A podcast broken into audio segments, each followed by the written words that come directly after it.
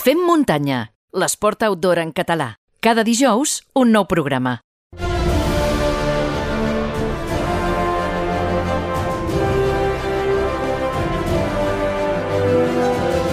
El passat 14 d'agost va tornar, després de molts anys, un producte televisiu molt potent, molt eh, espectacular, el World Tasses Race, l'Eco Challenge in Fiji.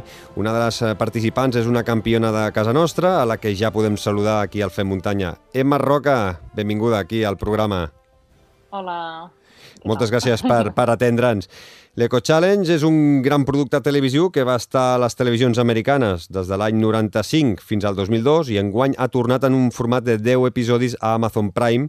La primera pregunta que se'm passa pel cap, si és que tot el que veiem en aquesta docu-sèrie, docu-reality, digue-li com vulguis, no? Eh, és, és, és real tot el que veiem, o, o hi ha una mica de preparació?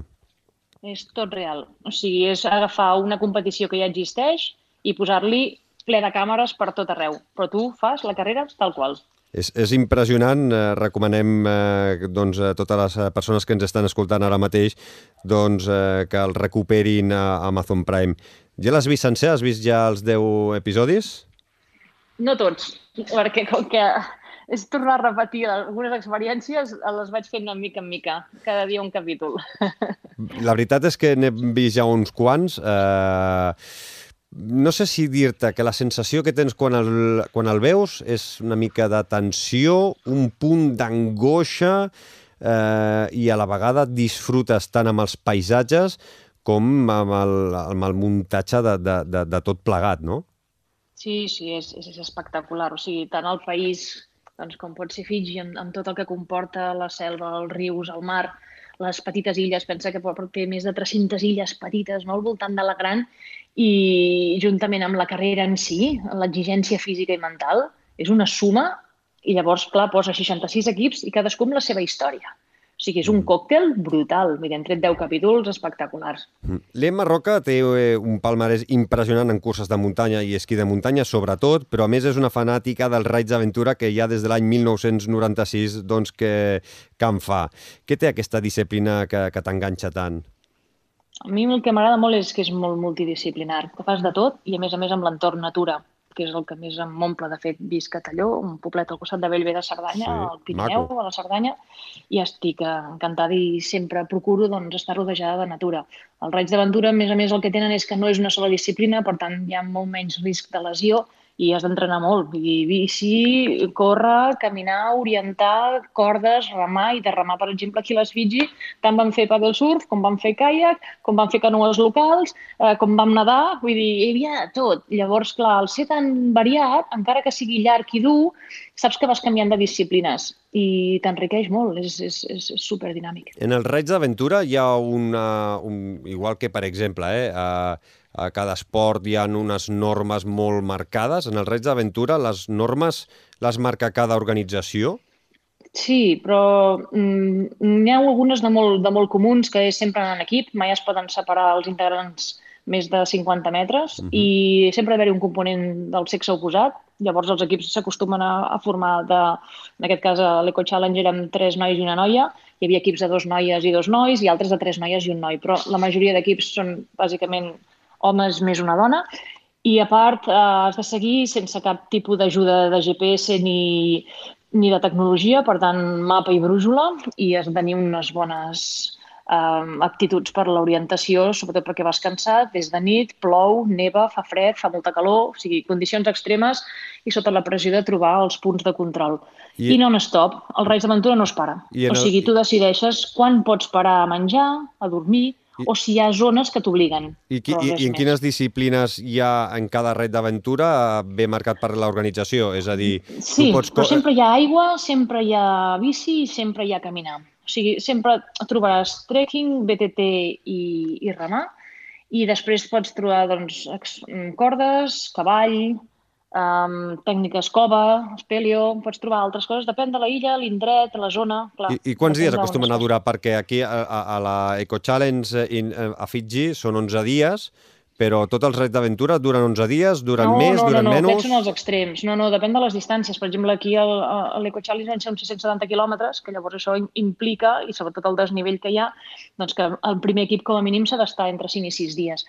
Però normalment hi ha tot tipus de, de, de timings en funció de les distàncies. Raids de dos dies, de cap de setmana, raids de 3, raids de 4, raids de 6, 7, o raids de 10, no? com aquests tan grans. Per tant, I, depèn. I en, el, I en el vostre cas, en el vostre equip, com, com de manera individual, primer, com s'entrena totes les disciplines i després com entreneu com a equip totes les disciplines, perquè ha d'haver una compenetració màxima. I no sé si tot l'equip esteu sempre junts, entreneu sempre junts o cadascú entrena per la seva part i després sí que es fa un entrenament eh, en equip quan s'apropa sí. la data, no? Sí, normalment el que es fa és que es entrena per la seva part amb, amb una sèrie de requisits setmanals, no? Doncs has de, tenir, has de complir tants quilòmetres de cada disciplina i en el mes doncs, has d'anar tantes vegades a remar al mar o en padel surf, per exemple, per les Fiji jo vaig haver d'entrenar al canal del Segre, canal olímpic de la Seu, amb un padel surf doncs, cada dia que sortia de guàrdia bombers.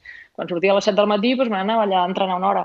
Per tant, cada integrant de l'equip ha de tenir una disciplina per poder anar entrenant les, el, que, el que requereix aquell raid, però després és, és molt compenetració de trobar-nos cada X temps. La bo és que el nostre equip ja feia molts anys que ens coneixem, pensa que fa 24 anys que estem fent raids, i amb aquest equip en concret hem coincidit amb moltíssimes curses i amb moltíssims eh, estajos d'entrenament.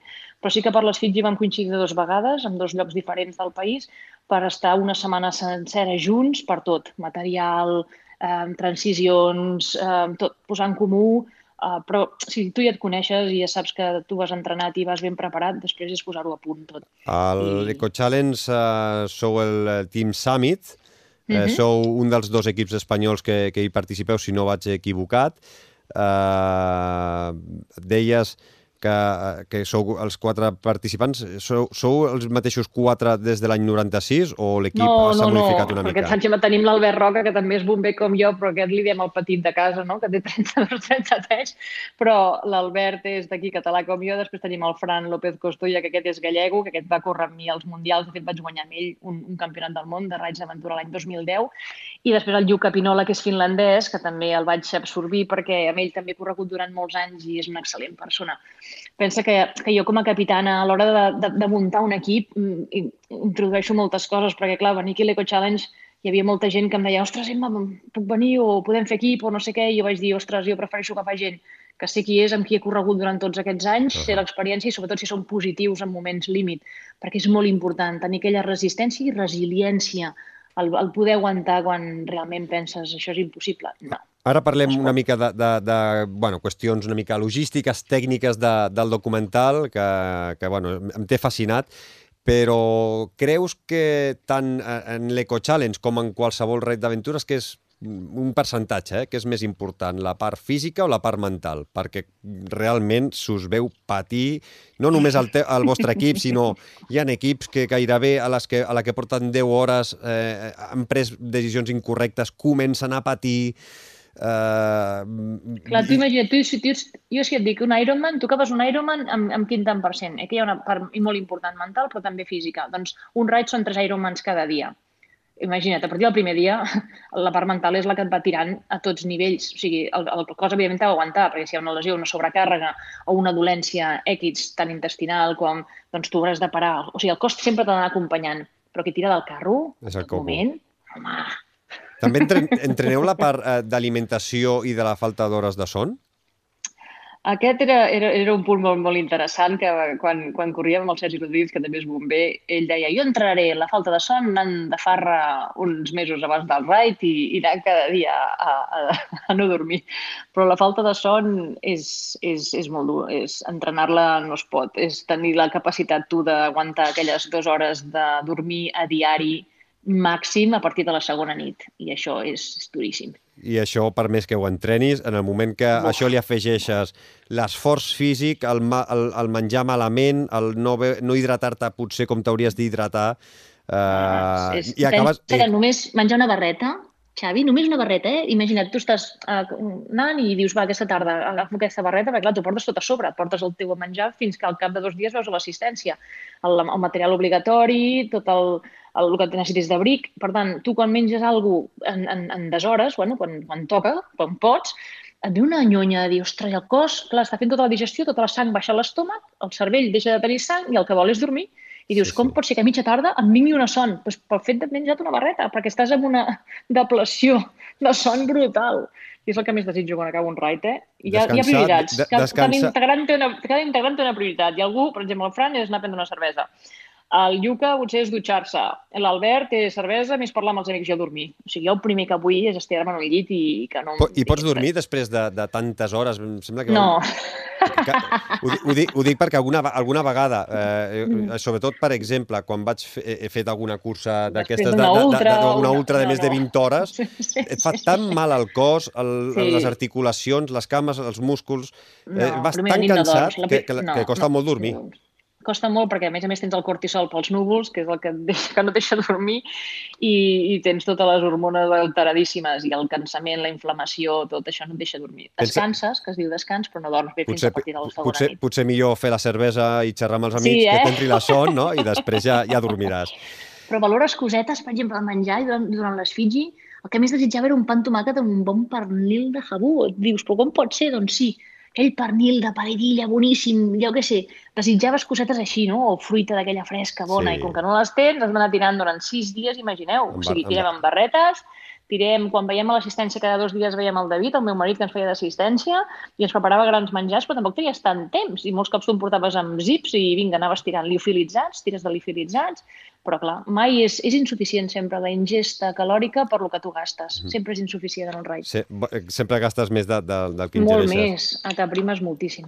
Anem al documental, són 10 capítols i es mostren des de la sortida eh, dels 66 equips eh, participants fins a l'arribada Mhm. de tan sols eh, uns pocs. Eh, com, com ho va rodar una mica Amazon eh, per eh, aquesta superproducció de més de 300 milions de, de dòlars de, de pressupost? Com, vull dir... Doncs, de ho- moment ens van portar a la illa um, pagant-nos-ho tot. O sigui, cada equip mm, venia pagat i tu pagaven uns dòlars perquè tu poguessis comprar bitllets, bicicleta, material i no portessis cap sponsor, cap nom de sponsor ni res. I els noms dels equips havien de ser noms genèrics.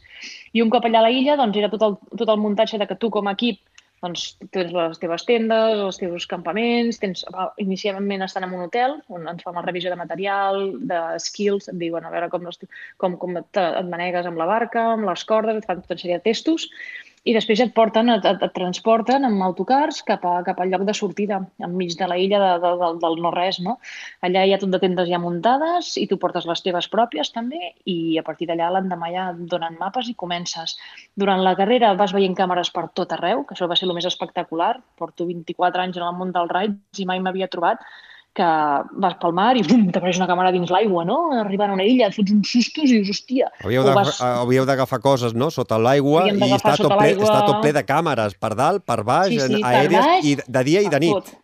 De dia i de nit. I fins i tot teníem un càmera només per les seccions de trekking que ens acompanyava a nosaltres i a nou equips més. Havien triat uns equips per tenir un càmera que vingués amb tres càmeres, un tio fortíssim, en el nostre cas va ser el Pablo, i va venir tota l'estona amb nosaltres, caient, passant gana, passant son, fatiga, perquè clar, també està allà al teu costat, però nosaltres és com si no existís. Una cosa que sí que ens van fer firmar i que ens van sobretot recalcar és que en tot moment ells hi eren però no hi eren. O sigui que mai podíem demanar-los ajuda, mai preguntar-los coses i mai mirar-los directament. Tu havies de fer la teva carrera. Jo hi ha un moment en el, un dels capítols que, que podeu veure que estic molt al límit de la hipotèrmia i hi ha un càmera que m'està gravant i jo estic demanant, si plau quan falta, però no em pot dir res i si, bueno, parar és morir i, i ho dius, no? I a més, a, a, aquest capítol encara encara no, no, no he arribat. Sí que he arribat al capítol en el qual eh, eh, estan en el...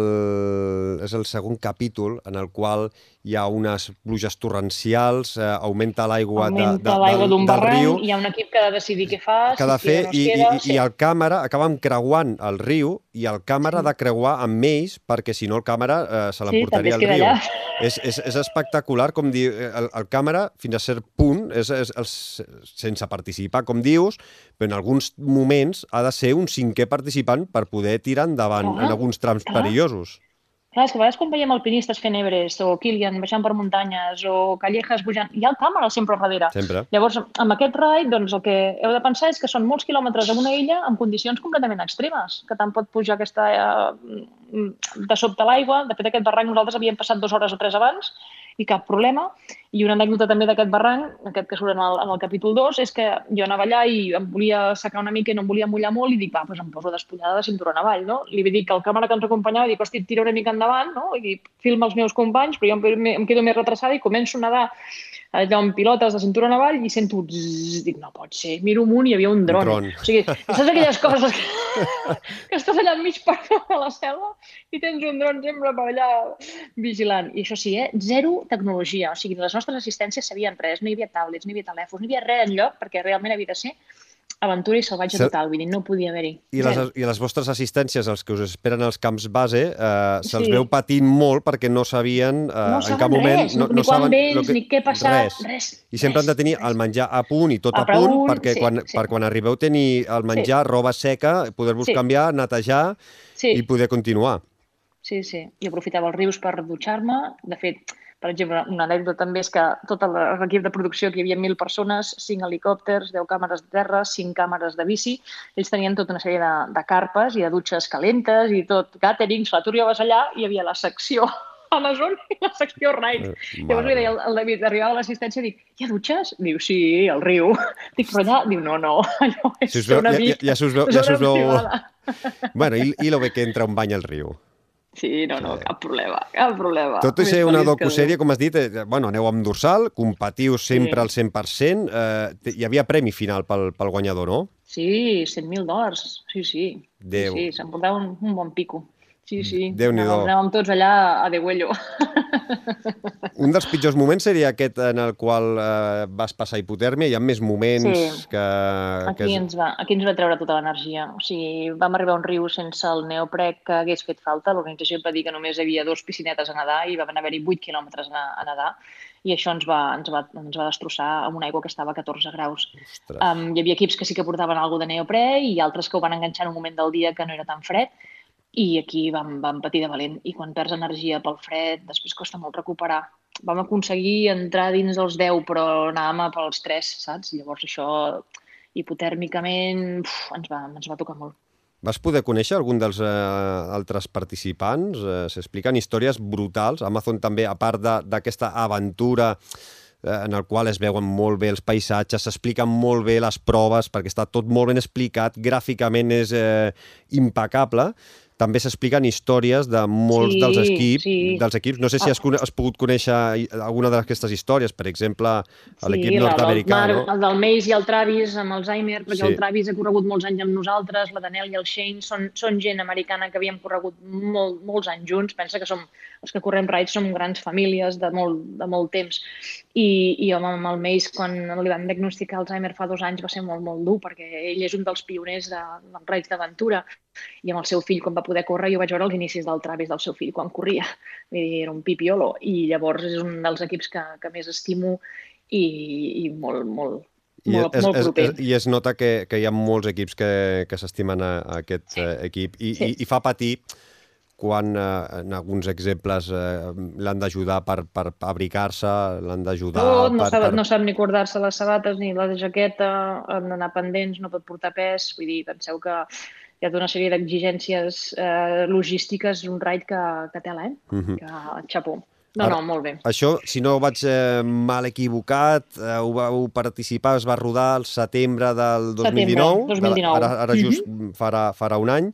Eh, ha passat ja un any, eh, ara ho hem vist. Eh, T'agradaria tornar? Com ho veus amb, amb tanta perspectiva? O, o, o, bueno, una altra, o una altra pregunta. O sigui, quan vas trigar eh, en, en pensar que vols tornar a participar a l'Eco Challenge? Primer, primer, Quan vaig, acabar, quan vaig acabar vaig dir que era molt dur. De fet, surto en un, en un dels capítols dient que si ha de ser tan dur com això jo no hi torno mai més. I Quan has trigat en, que en tornar a canviar el xip i dir, bueno, potser Sí. que tru No, no, fer, ja- fer quatre ja trucades als, als membres de l'equip i dir com ho teniu per, per el 2021? No, no, és que va ser un mes després de tornar Un que ja mes, un dèiem que ho teníem clar, que, que si es feia a Argentina i, a més a més, amb, amb, amb, amb a peu, amb trekking, pensa que aquest raid de les Fiji més d'un 50% va ser aigua i això és molt atípic en un raid d'aventura. Normalment és la bici i sobretot el caminar el que aporta un gran tant per cent dels quilòmetres a fer.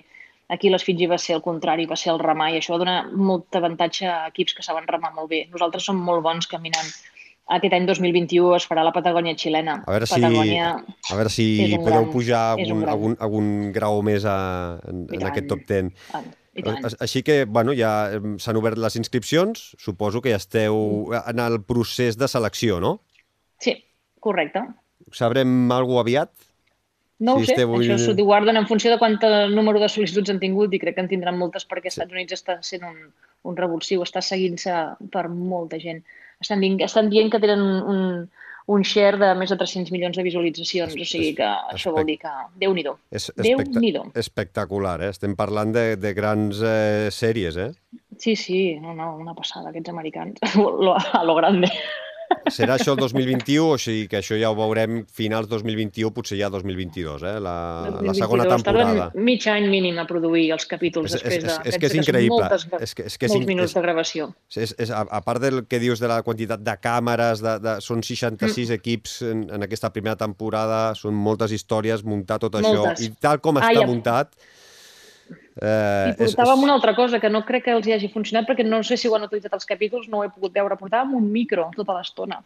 Jo portava un collaret, que semblava tipus gos, no? Allò, portava un collaret on estaven gravant tot el que anàvem dient durant tot el raid. I així quan ells et filmaven de lluny, se t'estaven escoltant a la barca el que deies, o la bici el que te comentaves, o si estaves plorant, o si estaves cridant. I això d'uns quants equips. Ens portaven un micro constantment durant els sis dies de raid. Ets mare de tres fills, dos d'ells són bessons, ets bombera, Mhm. esportista, ets doctora en bioquímica i biologia. Com, com t'ho fas per, per, per arribar a tot? bueno, de fet, ara, al, al setembre, quan, aquest passat setembre, quan vaig defensar la tesi en enginyeria biomèdica, la UPC va ser allò de dir, uah, per fi hi ha un, un capítol més de la meva vida, que fa set anys vaig començar a analitzar les primeres curses, perquè en els últims tres anys la vaig acabar a, a la UPC superbé de la mà de la doctora Lexan Escolarde i molt contenta de fer aquests estudis paral·lels a la feina, paral·lels a l'esport, que és la meva gran passió, i realment veure quin impacte té el córrer, no? A, a molts nivells, sobretot Mhm. a la salut renal, cardíaca, muscular. Ma- Hi ha moltes coses molt interessants. Me'n recordo quan vas començar el 2012 a... 2013, sí, sí, 2012, Cavalls del Vent 2013, 2012 i 2013 que, que vas analitzar, a, a, bueno, inclús a, a amics nostres doncs, que, que els vas poder analitzar, també a, a professionals eh, com el Sí. Kilian. Sí, sí, Ah, el supo- TOEFL, tots, és que els, els tinc tots allà. Més de 600 corredors he analitzat en tots aquests anys. Espectacular. I així, a, a, a grosso modo, quines conclusions eh, has pogut veure? Què és millor? modo, O sigui, una pregunta que no t'hauran fet mai. Eh, què, què, què, què, què, què és pitjor? Córrer una cursa de 10 quilòmetres sense entrenar o fer una ultra de, de 100 quilòmetres ben entrenat? Doncs jo pensava que era pitjor córrer els 10, però et puc dir que les dues coses poden ser dolentes. Per exemple, pel cor hi ha dues coses que li fan mal. Tant la intensitat, que tu pots córrer 10 quilòmetres amb molta intensitat sense estar preparat, com la llarga durada, que tu pots fer una ultra lentament, però estàs durant molta estona bombejant a 25 litres per minut en comptes dels 5 que bombeja el cor en repòs. Per tant, hi ha molt, unes característiques que tant una cursa curta com una llarga eh, poden, poden ser nocius pel, per la salut. Però el que sí que he vist en tots aquests anys és que la cursa de llarga distància, si es porta malament, si tu, si tu deixes el teu espai entre ultres, si tu descanses quan has de descansar, si tens una bona nutrició, si el teu pes és l'adient, ni, ni massa prim ni massa sobrepassat, eh, i sobretot, sobretot, o sigui, vas en concordança, és progressiu, fas aquell entrenament que cor, perquè actualment hi ha molta gent que sobreentrena, fa masses hores, no cal tant. Si tu fas bé la feina prèvia, no té per què fer mal una, dos, tres ultres l'any. Però què passa? Que la gent fa ultres, fa maratons, fa mitges, i és un constant. Cada cap de setmana està corrent. Sí. Llavors, tu aquest estrès que li dones al cos, perquè clar, la gent es pensa, és que només és muscular. Què punyetes? No és muscular. Sobretot és cardíac, és renal i és una inflamació general. Dóna-li temps al cos, dóna-li temps al ronyons, dóna-li temps al fetge, al cor, a, a, a tot el sistema inflamatori a desinflamar-se. I això què passa? Que si anem, vinga, ara un, ara l'altre, ara l'estrès, ara la família, ara la conciliació, ara és que tinc el dorsal, ara és que els amics he de fer bona marca, ara que, i, i tu, hòstia, és que tinc aquella lesió, però és igual, em poso l'ibuprofeno i, i tiro, o eh, tinc aquella molèstia, però jo continuo. Això, ho sento, eh? però a dia d'avui és el gran mal, el fer les curses sense aquest seny. La gent només, eh, a vegades només escolta la sensació de cames i no, Sí, no, no, i no, no. valora altres tipus de descans, no? A, Completament, Altres tipus de, recu de, de, recuperacions, que és el que acabes de comentar ara. Completament. La nutrició és bàsica, la son és bàsica, tenir el pes ajustat és bàsic. Hem vist grans dolències per, per tenir un índex de massa corporal erroni i, i sobretot l'acumulació de curses i d'entrenaments, el sobreentrenament amb el qual va la gent. -huh. que de fet ara l'Albert Juquera ha parlat dels rets, no? d'aquesta problemàtica sí. amb les dones, perquè realment massa carreres, massa desgast, el sistema immunitari a cada cursa disminueix, ha de tornar... O sigui, passa una guerra. Penseu que cada cursa, tant sigui d'ultra com d'una marató d'asfalt, com d'una mitja fins i tot, però sobretot aquelles curses que passen de les 2, 3 i 4 hores, el cos passa una guerra i allà s'està adaptant en aquell moment. Clar, en funció de en quina base comença, encara que siguis un èlit, però mhm. imagina't que ets un èlit que no has parat de fer curses. Hòstia, la base en la qual estàs començant aquella desena cursa no és l'ideal i el cos està patint més del compte. Llavors, risc de lesió, risc de sobreentrenament, de sistema immunitari deplecionat que tarda moltíssim a, a tornar a recuperar, i llavors això va portar una fatiga crònica. I hi ha, hi ha símptomes de que deixes de tenir la regla, osteoporosi avançada, eh, insomni, bueno, moltes coses. Sí, sí, ara, eh, molt, molt interessant l'article ara que comentaves del, de l'Albert Jorquera sobre bueno, ara la retirada eh, temporal sí. de la Mimi Kotka, de la, Mimi. la, la, la, sí, la corredora sí. d'ultratrails de, de, de l'equip Salomon, que bueno, s'ha vist afectada per la Relative Energy Deficiency d'Inesport, sí, sí. no? la, la, la RTS, que, sí, que és, és potser un dels riscos eh, més grans que, que pot patir un corredor d'ultratrail, tan professional com, com, com també amateur, que, que ara comentaves, no? Totalment. És que actualment qui està corrent aquestes llargues distàncies, gairebé som tots... O sigui, no són professionals perquè no viuen d'això, però entrenen i es dediquen gairebé com un professional. Per tant, tu li estàs donant un volum al teu cos molt per sobre del que se suposa que és saludable. I no li dones el temps de descans. No li dones tot el que necessita per dir, buf, tranquils. I no és només una qüestió d'ingerir o no ingerir calories, que també sé, no. això, això acceleraries. O sigui, ingerir uh -huh. no només les calories, sinó els nutrients que el cos et, et necessita per recuperar, no ingerir el, el, el, els aliments necessaris per recuperar eh, amb, amb, amb més rapidesa, sinó ja és el, el volum constant de quilòmetres que necessites per poder competir, per exemple, a una ultra del Mont Blanc o, exacte, o, o amb, amb moltes de les curses que, que es fan de, de més de 20 hores. I quin temps tens per, per tu entrenar aquell volum mínim perquè no hi hagi una descalcificació accelerada d'ossos, perquè no hi hagi un patiment articular i muscular. Uh, mira, ara estem portant diferents estudis a la vegada. Vale? Un d'ells que estem portant a Can Ruti és sobre les, les lesions de, de, de genoll, d'extremitats. I estem dient si realment el desgast que hi ha articular amb el, amb el doctor Hernández Hermoso i també amb la doctora Inés Colarde, si és perquè fas molts quilòmetres o perquè els fas amb una lesió que ja portes arrossegant. I llavors, clar, si tu no has fet net, si el teu cos no... Ostres, doncs vas corrent d'una manera, d'una altra, eh, que vas provocant encara més eh, problemes articulars. Llavors estem fent una, una investigació molt xula. També ens estem fent una altra amb, amb el tema de, de transcriptòmica, que de fet ara hem, hem fundat empresa que es diu Exeus arrel de resultats del Summit amb, amb Sant Pau, UPC i el Collider, el Mobile World Congress, hem, hem, hem muntat una, una startup en la qual veiem l'expressió dels teus gens en funció del que tu fas. Veiem a dia zero tu quins gens expresses i de quina manera. Ho veiem a través de, de la transcriptòmica. Mirem l'anàlisi de sang i mirem quines proteïnes tens en sang que venen de la teva expressió gènica. Fas un entrenament i mirem a dia 6, 7 o 30 què ha passat amb aquell entrenament, amb aquella nutrició i amb aquell estrès doncs, com s'han expressat els teus gens i com t'ha afectat, o sigui, quines vies metabòliques han canviat. I només veient, si tu fas una incidència sobre aquella persona, què és el que ha passat en el seu genoma, doncs podem ja començar a actuar personalment amb que el rendiment sigui el màxim d'eficient i que sigui el màxim de saludable. I això ho estem començant i és espectacular poder prevenir lesions, poder prevenir sobreentrenaments i altres històries. Això, clar, això I només, fa... amb, només amb el gen, veient la, la seva expressió, eh? i la seva expressió pots pensar, no, no, si jo tinc un genoma no es mou, no, no. El teu genoma no es mou, però com s'expressa en aquest gen? Sí, tu tens unes cartes amb les quals neixes, i si tu ets un èlit és perquè has nascut amb unes cartes que tu pots ser un èlit.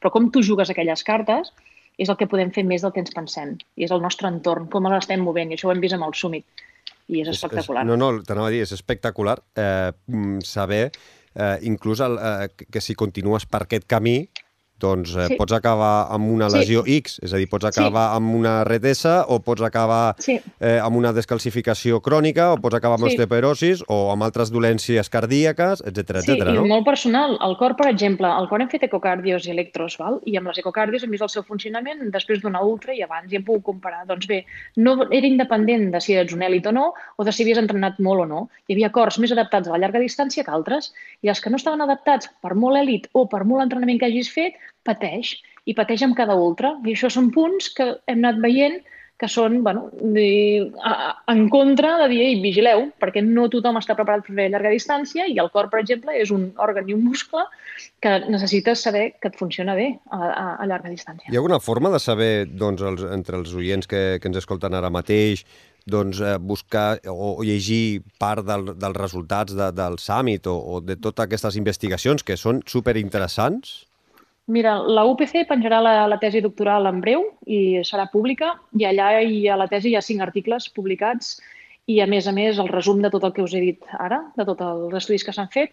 I després a la meva web, en, en, en 10 dies tindré la web ja a punt, perquè fins ara tenia una web de personal i esportista, però ara he afegit científica i emprenedora, llavors a la part científica d'Emma, allà tinc previst penjar, penjar tots aquests resultats, resums, estudis, perquè la gent es pugui nutrir una mica del coneixement que he anat adquirint durant aquests set anys d'investigació. www.emmarroca.com deixarem mm -hmm. l'enllaç a, a les notes de, del podcast perquè tota aquella gent doncs, que vulgui pugui entrar i Perfecte. pugui, i pugui mm -hmm doncs donar-li un cop d'ull. És, que és, és, sí, molt, sí. és molt interessant i, i jo crec que eh, està molt bé perquè hi ha moltes coses no? que la gent eh, que, que vulgui fer esport, ja no parlo d'èlit, sinó d'amateur, no? que, doncs, que et posis a vegades en mans d'un entrenador, que, que et guiï en l'entrenament, si vols Que no busquin pujar... a Google, sisplau, que no busquin no, no, a Google. No, no, com preparar, com preparar no, gent professional, gent, gent que n'ha estudiat i gent que en sàpiga, que n'hi ha molts i molt bons, sí Uh, de, fet, sí. de fet, tinc un llibre, Xavi, que he tret fa poc que es diu Esport amb seny, o El límit és tu salut, vull dir, de, de, ara llibres o editorial Planeta, mm -hmm. i mhm. aquí explico una mica bastants capítols de la tesi i de, de la nutrició, de l'entrenament, de les revisions mèdiques, del Bàsiques. dormir. De fet, el doctor Estivill també m'ajuda, el doctor Brutons. És dir, que hi ha, cada apartat està fet per un especialista amb, amb tot el consens fet per, per l'estudi Summit. I és un llibre molt interessant per la gent que, que corre, tant qui està corrent com qui comença, com qui s'està passant de la ratlla. Doncs eh, molt recomanable que, que la gent doncs, eh, se'l llegeixi, que la gent entri a la, a la teva web i, eh, i pugui doncs, eh, informar-se, pugui llegir i pugui doncs, aprendre i saber una miqueta on estan uh, els límits o si estem fent bé o no estem fent bé la, la, les coses, que primer tot és la salut i després, doncs, uh, sense salut no podem fer esport. Però ens hem de moure, eh, Xavi? O sigui, el sedentarisme, el sedentarisme no, no. sí que és el que mata. El no, no. sedentarisme sí que és el que mata. El que passa que ens hem de moure amb seny. Sempre, bé. sempre. Ben fet. El, el, el sedentarisme i la mala alimentació és un de les ens, lacres ens de, de, de, de, que, mata. que, que, que, Però, que tenim però si tu vols fer una ultra, hòstia, espera't 3 anys, sisplau. No diguis, no, mira, el meu repte és l'any que ve fer l'ultra al Montblanc. Quan fa que estàs corrent? Ah, fa un any. No, no, sigues és, progressiu, sisplau. És, és, un, del, és un dels grans errors i, i si vols fer i si vols fer-ho amb, amb, amb una previsió de 3, 4 o 5 anys, eh, amb, amb per seguretat sempre és millor. I doncs, revisió mèdica, sempre. prova d'esforç, ecocardio, si tens més de 35 anys, saps? Aquestes quatre coses que a vegades gastem 1.000, 1.500 euros en material per anar a córrer, motxilla, bamba, equipació, inscripció, viatge... I no ens gastem 200 euros. 150 sí, o 200 o, o, amb una prova d'esforç de gasos i amb una bona ecocardio, saps? Dius, sisplau, i, un cop a la vida, i, encara que sigui. I a part, si et fas una, una revisió una mica mm, completa, eh, també et serveix per eh, millorar molt més a les, en, els teus, en els teus entrenaments. Vull dir, una, a, a part, surts beneficiat per totes bandes. Una, saber si, si ets capaç, bandes. si ets capaç de, de poder fer el teu repte. Dos, eh, saber com eh, entrenar aquest repte amb quins valors. No vol escoltar, té por d'escoltar el que a vegades no vol sentir, llavors molts cops no la fan per això i, i no, hi hauria de ser i obligació fins i tot de, de l'organització. Tu, com, jo quan vaig anar a Marató de Sables em demanava un electrocardiograma de màxim dos mesos d'antiguitat. Volien saber com estava el meu cor a nivell d'estímul elèctric a dos mesos vista de la carrera. I si me'l deixava, no em deixaven començar al desert. Va haver-hi un, uh, un company de la Jaima que es va deixar l'electro a l'hotel i després d'un dia d'autocar, quan va arribar allà, ja no el van deixar córrer perquè necessitaven veure l'electro. O sigui, imagineu, o sigui, que realment ha d'haver una exigència i, i tu has de tenir uns controls mínims, perquè evidentment són 8 dies pel desert, una marató cada dia, amb 20 quilos de, de pes a l'esquena el primer dia, després ja va disminuint, però penses, mm, ojito. Sí, sí, no, no, no, no és fer la cursa de la Mercè a Barcelona. Sí, exacte. Doncs eh, Emma Doncs Roca, tu. qui, qui vulgui disfrutar de, de la docusèrie reality, és que no sé com definir-la, docusèrie, docu-reality, sèrie reality... Eh, és, No ho sé. és, bueno, que cadascú li posi la el nom que cursa vulgui. més dura del món, feta en capítols. Sí, sí, The, the World's uh, Thousand Race Eco Thousand Challenge in Fiji. Sí, es podrà veure a Amazon Prime ja des del 14 d'agost. Eh, Emma Roca, moltíssimes, moltíssimes gràcies per aquests minuts que, que has dedicat al Fem Muntanya. Eh, continuarem seguint, eh, ens informarem, ens llegirem eh, el, el teu llibre i estarem atents a, a la teua web, emmarroca.com. Perfecte. Moltíssimes Moltes gràcies. gràcies. una abraçada. Una abraçada. Adéu-siau. Adéu. Adéu. Subscriu-te al podcast de Fem Muntanya. Visita la nostra web femmuntanya.cat